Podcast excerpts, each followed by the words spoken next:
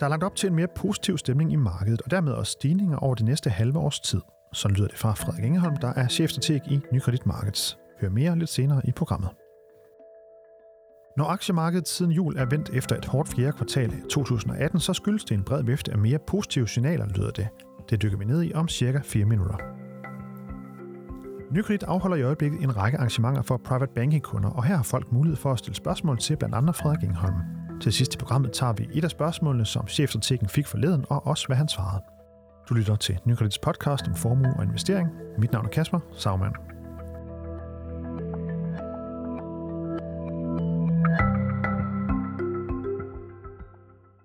Efter en øh, hård periode på aktiemarkedet fra oktober og frem til jul, så er markedet nu vendt flere steder.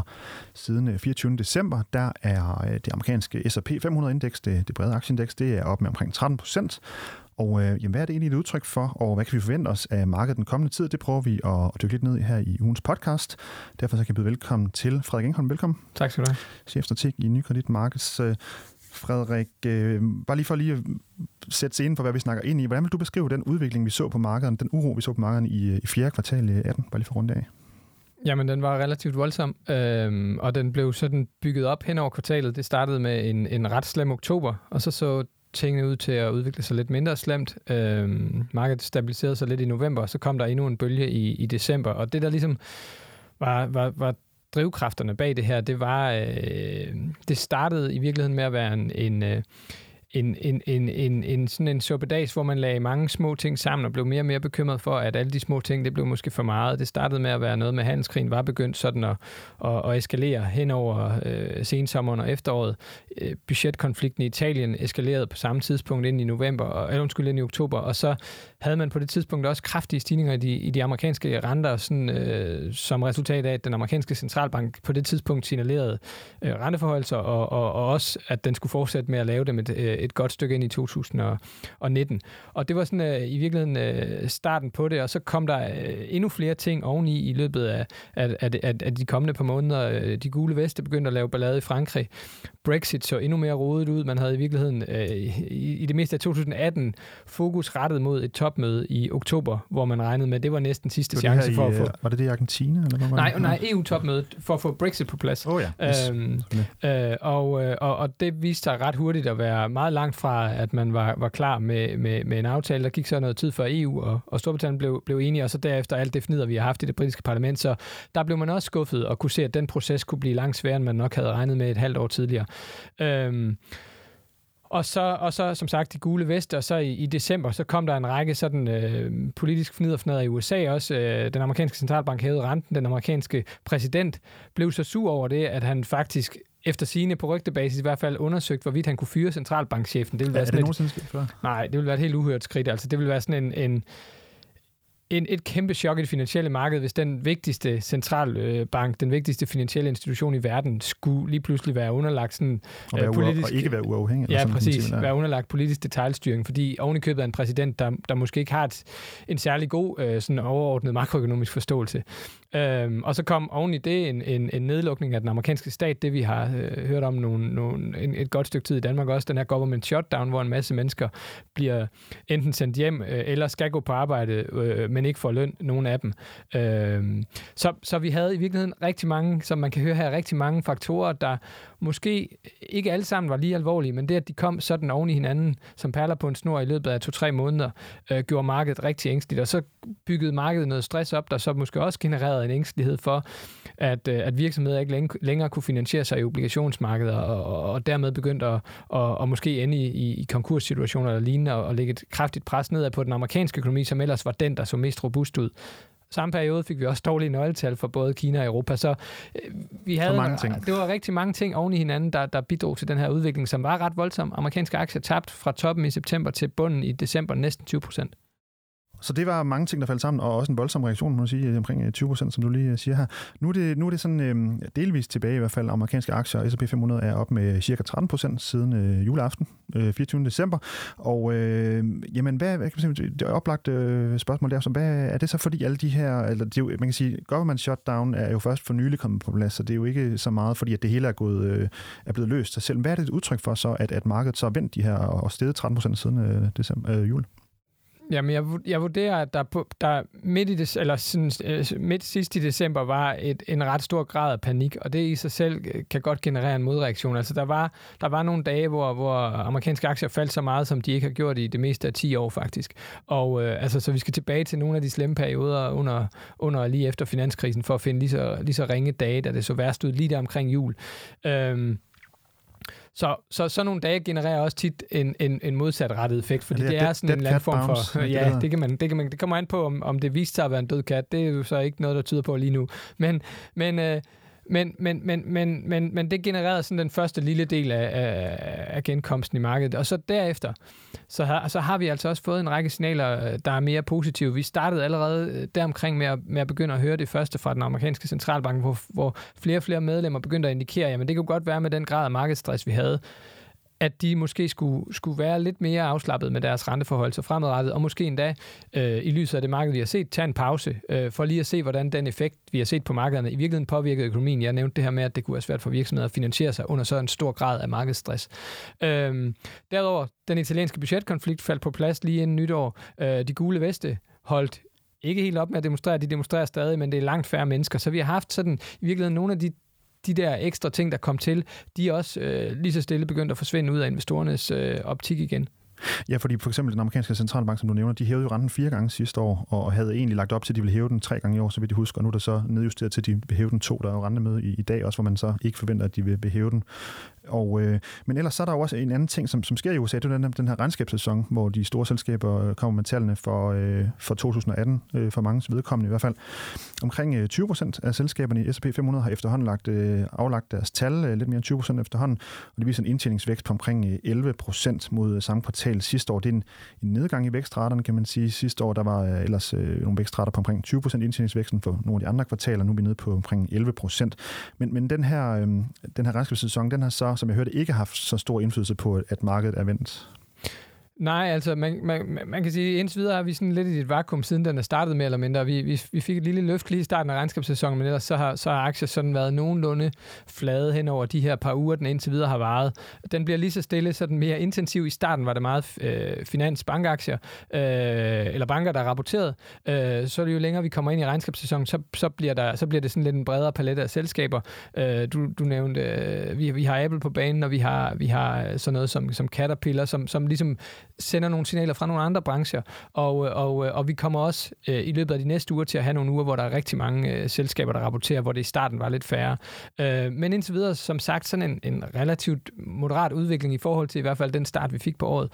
Og det udtrykker for mig at se, jo i virkeligheden øh, er den her udvikling på trods af, af nogle udmeldinger fra selskaberne, der klart er på den, hvad skal man sige, ængstelige side. Altså selskaberne udtrykker helt klart, at den situation, de står i nu, er mere usikker end den, de følte, de stod i for et halvt år siden de udtrykker relativt... Og det er i høj grad på grund af handelskrigen, som jeg forstår det. Det er blandt andet, altså det kommer lidt an på, hvem man spørger, men der er jo nogle, en række selskaber, der vil være påvirket af den situation. Mange af dem peger på det. Handelskrigen er en del af forklaringen, men noget andet er også bare, at Kina af andre grunde også øh, har, har set en svækkelse i væksten. Jeg tror i virkeligheden, at handelskrigen er den mindste faktor der, men det laver ikke om på, at handelskrigen kommer jo ovenpå og skaber så yderligere bekymringer omkring, om det kan blive endnu værre for Kina.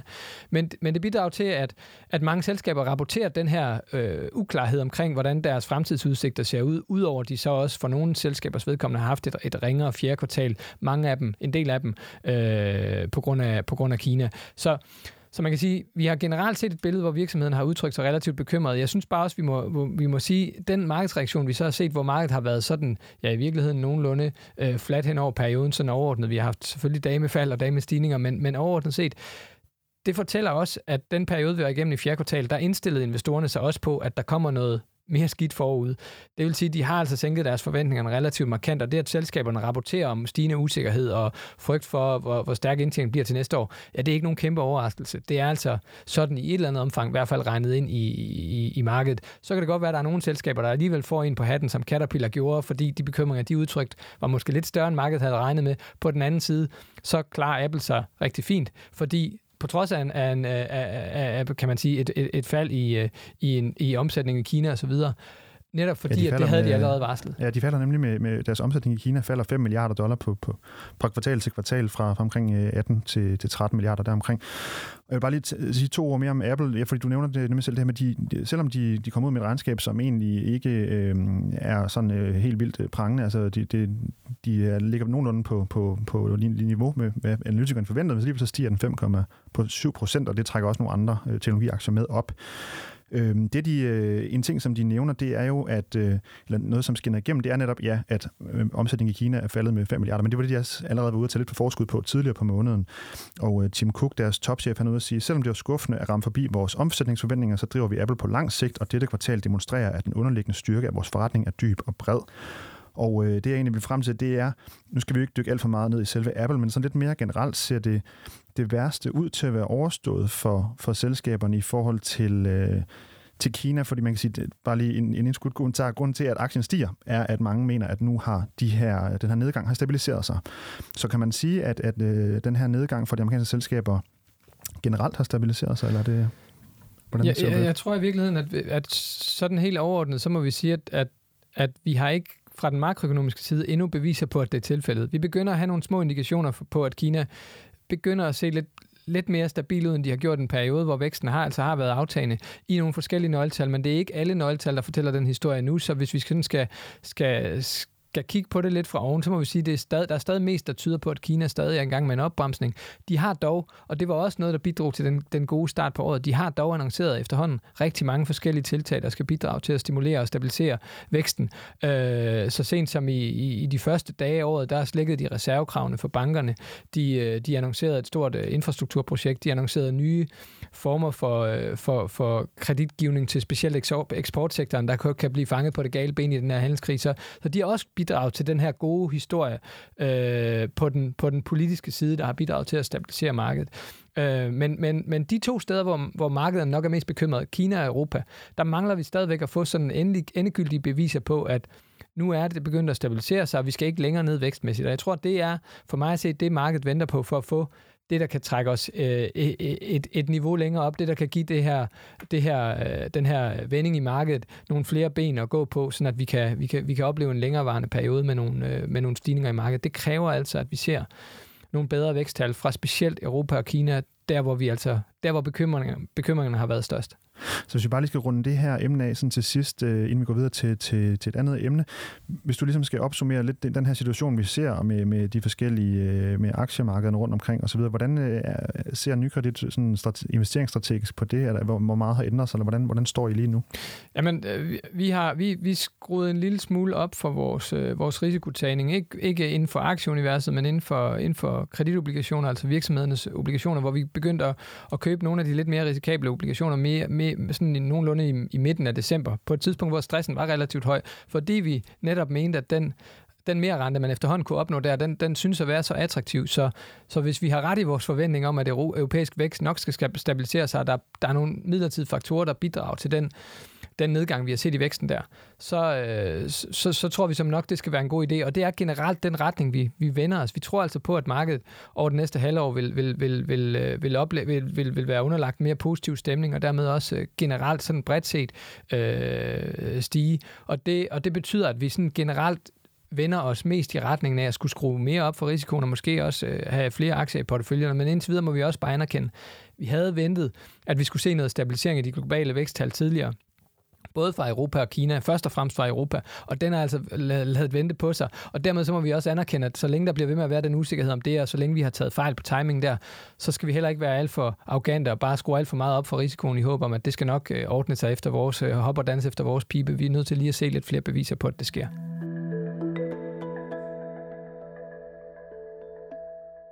Hjertelig velkommen her til DR-huset og Nykredits Private Banking Summit Ja, sådan lød det her øh, tirsdag i sidste uge i øh, DR's øh, koncerthuset i København, hvor øh, Nykredit altså var vært for det, der hedder Nykredit Private Banking Summit. Det er fem arrangementer i alt over hele landet. Der er, har indtil videre været tre af de sidste to, de er i næste uge. Og har I hørt på optagelsen, det var Axel U. Henriques, der er regionsdirektør i, i København. Private Banking Summit, der øh, kigger man egentlig på, øh, på flere ting. Både øh, i år kigger man på investeringsåret 2018, men også øh, ind i 19, og så var Søren Pind, den tidligere politiker, med som, som ekstern taler, fortalte om sit liv i politik. Ham, der stod for 2019-delen, ja, det var jo øh, dig, Frederik. Ja. Så øh, nu øh, var jeg også selv med her i København forleden, og der blev øh, opfordret fra Pernille Blåhold, som er moderator, hun opfordrede folk til også at stille nogle spørgsmål til, dig, til både dig og Christian Siborg, som var den anden på Nykredit, der fortalte. Var der nogen, der gjorde det, eller hvad, hvad, hvad var nogen af, jeg ved, du fik et lidt sjovt spørgsmål, eller i hvert fald et, et interessant spørgsmål øh, fra, fra en af kunderne. Lad os bare lige få tage et af dem. Hvad var det? Var noget med Frankrig. Ja, der var, der, var, der var en kunde, der kom ned, og det var egentlig imponerende nok i sig selv, for det er relativt besværligt at komme ned til scenen i, i koncertsalen med, med, med stejle trapper. Han vil, han vil meget gerne stille spørgsmål her. øhm, ja, men, øh, men det, spørgsmålet gik egentlig sådan på, om, om, om ikke Frankrig i virkeligheden var var, var et håbløst sted økonomisk set, og, og, og, og på vej mere og mere ud over kanten. Og hvad bygger, øh, han, hvad bygger han det for? Jamen, i virkeligheden en idé om, at udgangspunktet i Frankrig er rigtig dårligt, og at sandsynligheden for, at Macron han kan lave noget som helst om, er rigtig lille og at de og hvorfor, gule veste og hvorfor, måske... Hvorfor, bare lige for at forstå, hvorfor er udgangspunktet rigtig dårligt? Jamen, det, det vil jeg heller ikke være enig i, men bare lige for at gribe hans okay, øh, ja. udgangspunkt, det var, ja. så de gule veste måske bliver beviset på, at det ikke kan lade sig gøre at lave noget om. For så snart man prøver det, så møder man en modstand, der er så voldsom, så man ikke, øh, så man ikke kan overkomme den. Og, øh, og for det første, så er det præcis mit billede, at, at, at Frankrig er i udgangspunktet slet ikke så dårligt, som mange danskere har et billede af.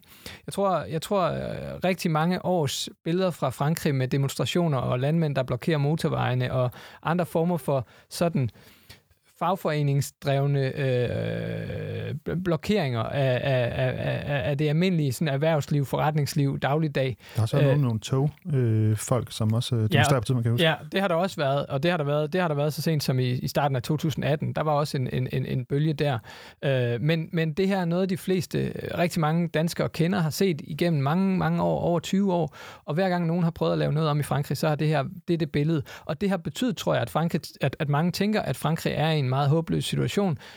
Mange har hørt historien om, at de sydeuropæiske lande, nogle af de andre, har reformeret sig siden, øh, siden øh, finanskrisen, og specielt den europæiske gældskrise, men at Frankrig er det land, der ikke har gjort noget. Men der må man bare have sig for øje, at udgangspunktet i Frankrig var et helt andet. Udgangspunktet i Frankrig var, var langt stærkere. De havde ikke en banksektor, der var helt lige så meget ude i tårne som den, den, øh, den spanske. De har ikke en gældssituation, der er lige så slem som den hverken italienske eller den græske, og de har frem for alt ikke de her meget store betalingsbalanceunderskud, som nogle af de øh, sydeuropæiske lande havde, og som bidrog til, at, øh, at de hele tiden skulle have finansiering fra udlandet ind for at dække betalingsbalanceunderskuddet, og, og når den for, så forsvinder, så er det, at, at statsrenterne stiger meget kraftigt.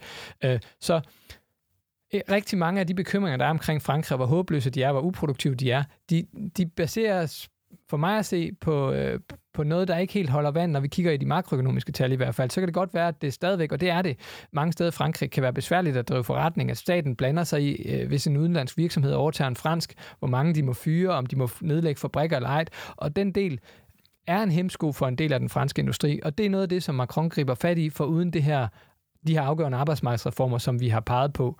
Øhm, så Macron griber fat i de, nogle af de rigtige steder, vil jeg mene, men udgangspunktet var altså heller øh, slet så slemt, som folk gør det til. Faktisk i Frankrig per arbejder noget af det mest øh, produktive. De arbejder ikke så mange timer, så derfor har de ikke det højeste BNP, men, men de timer, de arbejder, der er de ekstremt produktive i forhold til, til rigtig mange andre rundt omkring i verden.